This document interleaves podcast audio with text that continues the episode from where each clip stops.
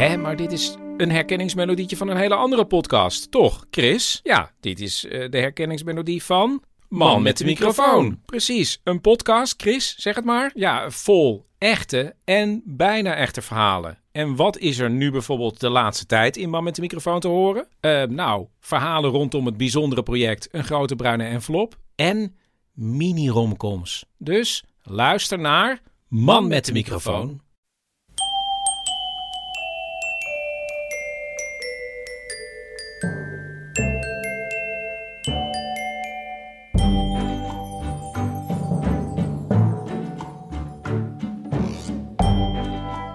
Welkom bij aflevering 243 van Echt Gebeurd. De podcast waarin waargebeurde verhalen worden verteld door de mensen die ze zelf hebben meegemaakt.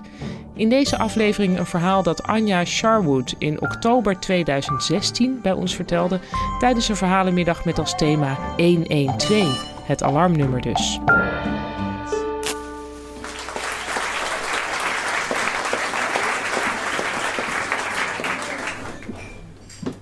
Ja, bij ons thuis uh, was de communicatie niet uh, ideaal. Dat ging niet heel goed, vaak. En dat is misschien niet uniek. Uh, maar wij hadden er wel een hele goede oplossing voor. Wij keken namelijk heel veel soaps. Ehm, misschien is dat ook niet uniek, maar wij keken er wel heel veel. En mijn, mijn vader is Brits en mijn moeder is Pools. Is ook een beetje een ongelukkige combinatie. Want um, ja, Britten zijn, uh, zoals je weet, heel ingehouden en rustig. En vooral niet over dingen praten, dan gaat het vanzelf over. En mijn moeder was pittig en, en emotioneel en die, wilde je vooral uit de tent lokken. Dus dat ging heel vaak mis. Maar goed, zoals gezegd, daar hadden we soaps voor. Uh, want we vonden het toch wel gezellig om dingen samen te doen. En um, nou, we waren met vier mensen. Ik en mijn oudere, drie oudere zus, mijn vader en mijn moeder. En, en we hadden voor elke mini-team binnen dat gezin hadden we dan een, daar hoorde dan een soap bij. De eerste was dan Neighbors, een Australische soap. Ik zeg het erbij omdat ik altijd denk dat we dan de enige zijn die dat kijkt. maar dat is schijnbaar niet zo. Uh, en we keken dus Neighbors en dat begon om half zeven. dat was ideaal, want dan hoefden we niet na te tafelen. Want om, uh, dan konden we snel van tafel af en uh, samen Neighbors kijken. Deden we toch wat samen. En mijn vader die, die, die bleef nog wel eens hangen. Maar het was toch het vrouwenverbond die dat keek. Dus dan, dan werd hij een beetje weggekeken. Zo van, ja, jij kijkt dit toch niet? Dus mijn vader die droop dan af naar boven en uh, keek dan bijvoorbeeld de herhaling van Bold and Beautiful. Want dat was van zijn soap. Ongeveer de minst mannelijke soap van de hele reeks. Maar goed. En hij keek dat dan met de katten. Die ook niet met elkaar communiceerden, want er was één kat daar en ik. Ja. Dus, uh, dus wij keken de Neighbors en dan daarna kwam EastEnders. Dat keken mijn moeder en mijn zus. En die hadden dan ook weer iets speciaals samen, want dat hebben oudere dochters met moeders volgens mij vaak. Dat is dan iets bijzonders, ik weet niet. Um, die hadden EastEnders en dan aan het einde van de avond dan hadden mijn zus en ik uh, vluchten dan naar boven voor As the World Turns. Ja, dat heb ik echt. dat heb ik echt uh, van 1993 tot uh, 2010 heb ik dat gekeken. Het is een soort coming out is dit. Het is echt. Um, ja, en ook daarbij dacht ik echt van we, we zijn. Uh, ik, ik ben. Ja, er kijken vast een paar andere mensen deze soap. Want het is toch drie keer op tv uh, op RTL 4, drie per dag op RTL 4. Uh, maar ik praatte er niet over. Want, want ja, ik, ik schaamde er maar een beetje voor. Want ik dacht, ik ben hoog opgeleid en ja, dan, dan mag je dat niet kijken of zo. Uh, maar goed, ik keek dat dus heel trouw met mijn zus. En het werd op een gegeven moment echt obsessief. We, we, we hebben allebei in het buitenland gestudeerd. Zij in Ierland, ik in Schotland. En, en dan moest je dus vier jaar lang moest je eigenlijk die soap missen. Dus dan, dan namen we voor elkaar namen we van die audiobandjes op. En die stuurden we dan per envelop met dus artikels stuurden we die dan op. En dat was dan de hoogtepunt van, de, van, de, van mijn studie. En uh, nou ja, na mijn studie, ik kwam terug uit Schotland, weer in Nederland aangekomen. Had, hoop ik, niks met die soap te maken. Maar ik was wel heel blij dat ik het gewoon weer live kon kijken elke dag. En zo kwam ik in Utrecht terecht. Ik woonde daar uh, aan de Jutvaasweg uh, met twee andere werkende jonge uh, jups. En op een avond kwam ik thuis, ik was in de kroeg geweest en ik wist ook dat als ik de volgende dag moest werken, dan kon ik dus niet As Turns kijken. Dus dan moest ik de laatste, dan moest ik het s'avonds kijken om kwart over elf of twintig over elf was het soms ook. En, um, maar dat was wel een goede stok achter de deur, want dan wist ik van oké, ik ben tenminste op tijd thuis. En dan was de hele avond was sowieso leuk wat er ook gebeurde, want s'avonds kon ik As Turns kijken. en... Uh, dus uh, ik kwam ook trouwens een paar jaar geleden kwam ik een collega tegen die gaf ook toe dat ze dat keek. En dat was eigenlijk. Aan de ene kant was het een opluchting, dat ik dan kennelijk toch niet zo raar was. En aan de andere kant was het een beetje, voelde het eh, als een, ja, als een inbreuk op, op toch wel een hele eigen wereld die een beetje geheim was. En dat was heel raar dat zij dat dan ook tien jaar of vijftien jaar lang keek. Dat was, ja, was niet prettig eigenlijk. Dus um, goed, terug naar die avond. Um, ik was net afgestudeerd en uh, ik kwam thuis van die, van die kroeg. Mijn tanden gepoetst en uh, gewassen en mijn dingetje gedaan. Dus ik kroop onder de wol, een afstandsbediening erbij. En kon beginnen. Ik kon weer even alles uitzetten. Dus ik begon te kijken en op een gegeven moment hoorde ik wat geluiden. En die geluiden kwamen uit de tuin. Maar ik dacht, ja, we wonen in zo'n jaren 30 wijkje waar al die tuinen in Utrecht, waar al die tuinen zo op elkaar aansluiten. Dus dat is, qua akoestiek lijkt het dan soms heel dichtbij, vertelde ik mezelf. het zal de buren wel zijn. Ik ga weer door met de soap. Dat ik kan kijken of Carly weer terugkomt bij Jack. En, ja.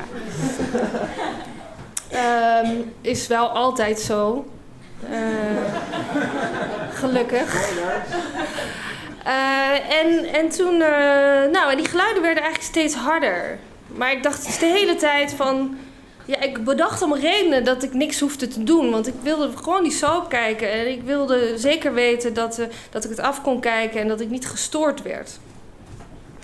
Um, de geluiden werden steeds harder en op een gegeven moment uiteraard uh, veranderde wel iets in mijn bewustzijn. En, en werd ik wakker uit mijn waan, uit mijn soapwaan. Want ze begonnen nu echt hard te tikken op de deur. En toen dacht ik, shit, er wordt nu echt ingebroken. En, en mijn, mijn mistige staat, uh, die, die werd al snel uh, vervangen door een enorme paniek. Van, oh, ik moet wat doen, ik moet wat doen. Maar ik kan niks doen, want als ik iets doe, dan stoor ik ze, de, de, inbrekers. En dan gebeurt er misschien iets, uh, ik weet niet, er gebeurt er iets en dat wil ik niet, want ik ben Brits. Dus ik wil niet dat, hè, ik wil alles gewoon zo houden. En, en dus dat duurde volgens mij ook best wel lang voordat ik iets ondernam uiteindelijk natuurlijk dacht ik, ik moet mijn huisgenoten wakker maken. Dus ik begon de trap op te gaan. En toen halverwege de trap dacht ik, uh, kan ik mijn huisgenoten wel wakker maken? Want zij moeten morgen vroeg op. Dus dat is misschien een beetje lullig om ze wakker te maken. Dus ik dacht, misschien moet ik het toch zelf uh, oplossen.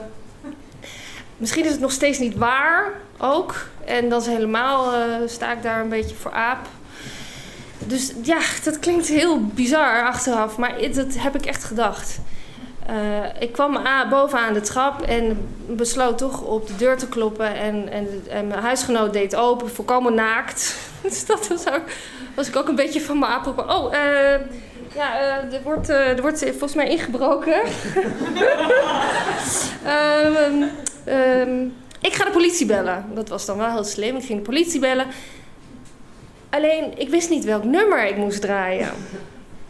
Want er was net een campagne op tv geweest... dat omdat te veel mensen te snel 112 bellen... moet je alleen in uiterst spoedgeval... als je in levensgevaar bent, moet je 112 bellen. En ik dacht, ja, ik ben niet officieel levensgevaar. Dus uh, oh ja, wat was dat nummer? Een andere nummer dan? 0, het was iets van 0800 8844 of was het 4488? Ik wist het niet meer. Dus ik ging in de Gouden Gids kijken in het andere kamertje op zolder. En op een gegeven moment, hoorden we ook echt voetstappen beneden. We hadden van dat vieze, van dat 80 jaren linoleum hadden we nog op de vloer liggen. Uh, dus je hoorde echt zo plak, plak, plak. Zo iemand door de, door, de woonkamer. En ja, echt wow, steeds zenuwachtig. Uh, oh, er zegt iemand binnen, politie, 8844 448, ik weet het niet meer. En volgens mij zeiden mijn huisgenoten, bel 112. Oké, dus ik 112, heb ik het goede nummer? Ja. -hmm. Nou, ik sprak die vrouw en uh, die zei, die was heel aardig steunde me. En die zei, ja, blijf aan de lijn, we sturen een auto langs. En binnen echt een muf van tijd was er, een, was er een auto. Want die boeven die bleken al eerder ergens in de buurt te hebben ingebroken of getracht. Uh, dus ze hadden ze snel gepakt ook.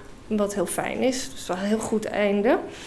Um, en we zaten dus beneden, zaten we met de politiemannen bij te komen. En ik was helemaal gaan shaken. Maar dat wilde ik natuurlijk niet laten zien. Want nogmaals, ik ben Brits, dus ik moet gewoon... Ja, nou, kan gebeuren. Ja, dat, uh, dat is, uh, ja, dat is goed gekomen. Dus ik heb het al eens eerder meegemaakt, zei ik. En toen zei ze nog van, wil je slachtofferhulp? En, en, ik, en ik zei, nee, is niet nodig. Maar van binnen dacht ik, ja, ja ik wil echt met iemand praten. maar goed, dat, dat, uh, ja, uiteindelijk als ik terugdenk aan dit verhaal... dan, uh, dan besef ik wel dat dat, dat, dat beleefde, dat niet mensen willen storen... de Britse, daar is veel voor te zeggen... Maar soms moet je ook gewoon je, je natuurlijke instincten laten spreken en actie ondernemen. Dus dat was het. Je hoorde een verhaal van Anja Sharwood. Anja heeft zich gespecialiseerd in narrative coaching. Als coach helpt ze dus personen en groepen bij het vormgeven van hun verhaal. Eigenlijk een beetje zoals onze redactie de vertellers bij Echt Gebeurd begeleidt. Want alle Echt Gebeurd vertellers worden bij de voorbereiding van hun verhaal geholpen door de redactieleden. Micha Wertheim, Roze van Toledo, Maarten Westerveen en mijzelf, Paulien Cornelissen. Voorlopig liggen onze verhalenmiddagen in Toemler natuurlijk stil vanwege de coronamaatregelen. Maar onze podcast blijft wekelijks verschijnen. Dit was aflevering 243. Tot volgende week. En stuur deze week eens een zak tikkels op naar iemand die ze kan gebruiken.